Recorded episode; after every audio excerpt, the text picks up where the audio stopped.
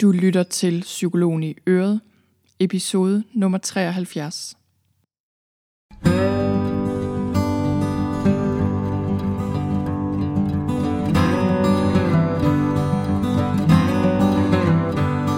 Velkommen til Psykologen i Øret. Jeg er psykologen Begitte Sølstein, og Øret, det er dit. Tak fordi du lytter med.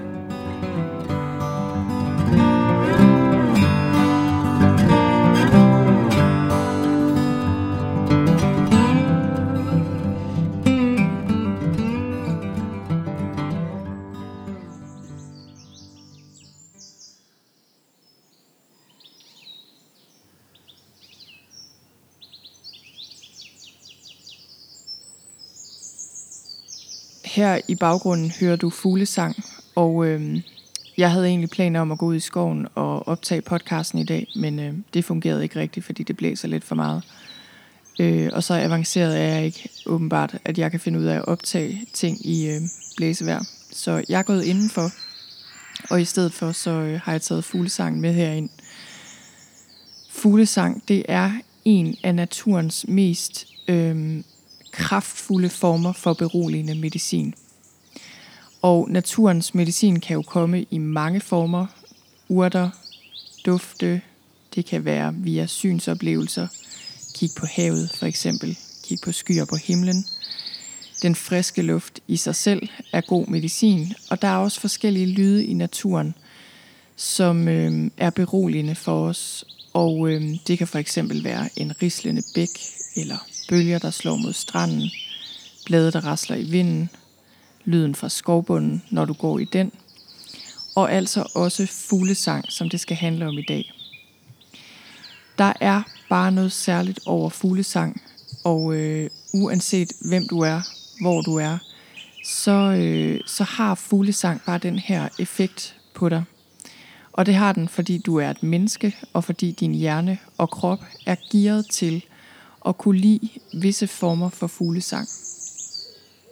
Jeg er selv lige flyttet til en by, som ligger lige midt i skoven, hvor der bare er helt vildt meget fuglesang. Og det er simpelthen så dejligt. Vi kan høre det øh, her, selvom vi bor lige midt i byen, kan vi høre det. Øh, og især selvfølgelig, hvis man går en tur ud i skoven, så øh, synger fuglene endnu mere. Og det er bare den dejligste lyd, og det var det første, jeg lagde mærke til, da vi var flyttet herover den første morgen, vi vågnede, selvom det var vinter. Så, øh, så lagde jeg bare mærke til den her lyd af fuglene, der sang. Og øh, det er en af de ting, der simpelthen bare har fået min puls til at dale ret så meget. Og, øh, og det er der selvfølgelig mange grunde til, sikkert, men øh, jeg tror, at fuglene de har en ret så stor del af æren. Inden jeg siger mere om fuglesang sådan specifikt, så øh, vil jeg lige sige lidt generelt om naturens effekt på os mennesker, og især naturens psykologiske effekt. Og øh, det er noget, jeg har skrevet en hel del om og sagt en hel del om her på podcasten. Jeg har lavet adskillige øh, episoder og også blogindlæg, der handler om naturterapi på forskellige måder. Dem øh, linker jeg til i noterne til episoden i dag. Og øh, der er jo ikke noget nyt i det her. Man kan sige, at videnskaben er jo på mange måder ved at indhente virkeligheden, fordi det her har man jo altid vidst, at der er mange ting i naturen, som bare virker som balsam for krop og sind og sjæl. Vi øh, er blevet bedre til at prøve at måle de her ting med videnskabelige studier, men man kan sige, der er jo også rigtig mange ting, som ikke er så nemme at indfange med naturvidenskabelige studier. Det betyder jo ikke, at de ikke findes, og at der ikke er en effekt. Det er bare sådan, at de målemetoder, vi bruger i naturvidenskaben, faktisk er ret begrænsede.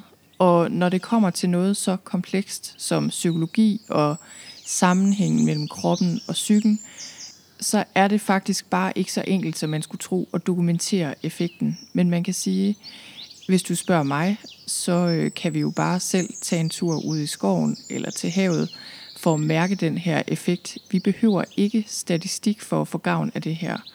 Der kan siges meget godt om statistik og videnskabelige studier, og jeg er godt klar over, at dem har vi brug for, især også hvis vi skal have naturterapi ud i det offentlige, og det skal vi forhåbentlig. Og heldigvis så bliver der også forsket rigtig meget i det her, også i Danmark efterhånden.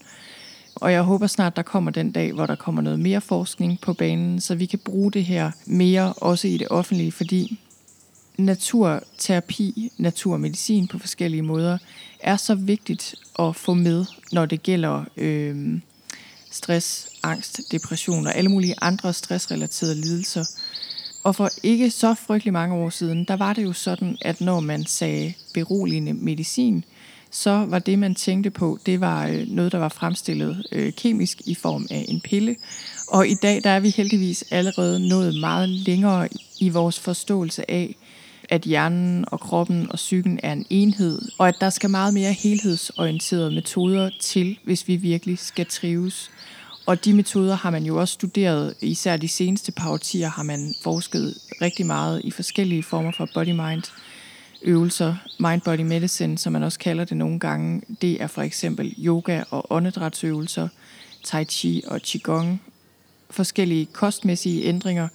Vi ved efterhånden rigtig meget om, hvordan øhm, sunde bakterier i din mave er altafgørende for et sundt nervesystem og et nervesystem, der er i balance.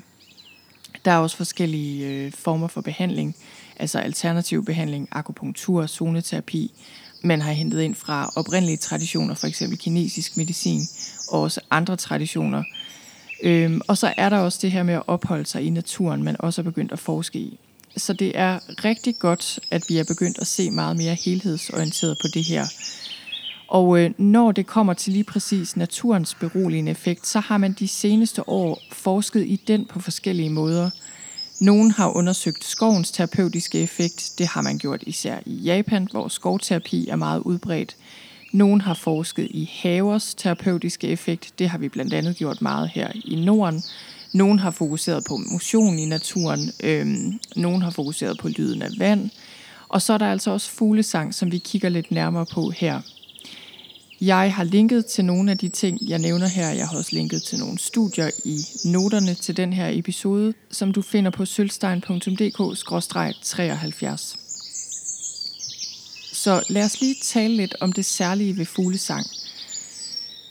Du kender det helt sikkert, det her med, at du går en tur i skoven, og så stopper op et øjeblik, og så kan du høre fuglene synge ind mellem træerne.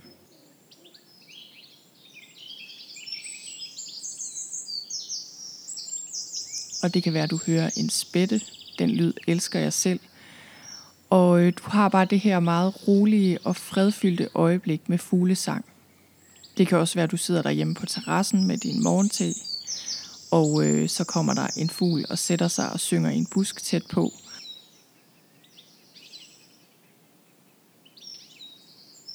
Og det giver dig bare den her dybe, dybe ro lyden af fuglesang er virkelig en form for beroligende medicin for os. Ikke alle former for fuglesang, det er klart. Visse øh, lyde af for eksempel kraver eller andre kan faktisk være ret irriterende. Men den form for fuglesang, jeg taler om her, det er den her, øh, vi typisk hører i skoven eller i haven. Altså den her behagelige form for fuglesang. Og der er altså en rigtig god grund til, at fuglesang har den her effekt på dig. Fordi når du hører visse former for fuglesang, så er det for det første bare en behagelig lyd. Lidt ligesom musik også er det, altså afslappende musik. Men der er også noget ved fuglesang, der øh, får dit nervesystem til at slappe af, fordi din hjerne registrerer den her fuglesang, og din hjerne, eller den del af din hjerne, som er meget, meget gammel, den ved, at når fuglene synger på den her måde, så er der ingen fare på færre. Og igen, vi behøver sådan set ikke at forske i det her for at slå fast, at sådan er det. Du kan bare mærke efter på din egen krop. Men man har faktisk påvist, at når vi lytter til forskellige beroligende lyde fra naturen, blandt andet fuglesang, så sker der ændringer i det autonome nervesystem.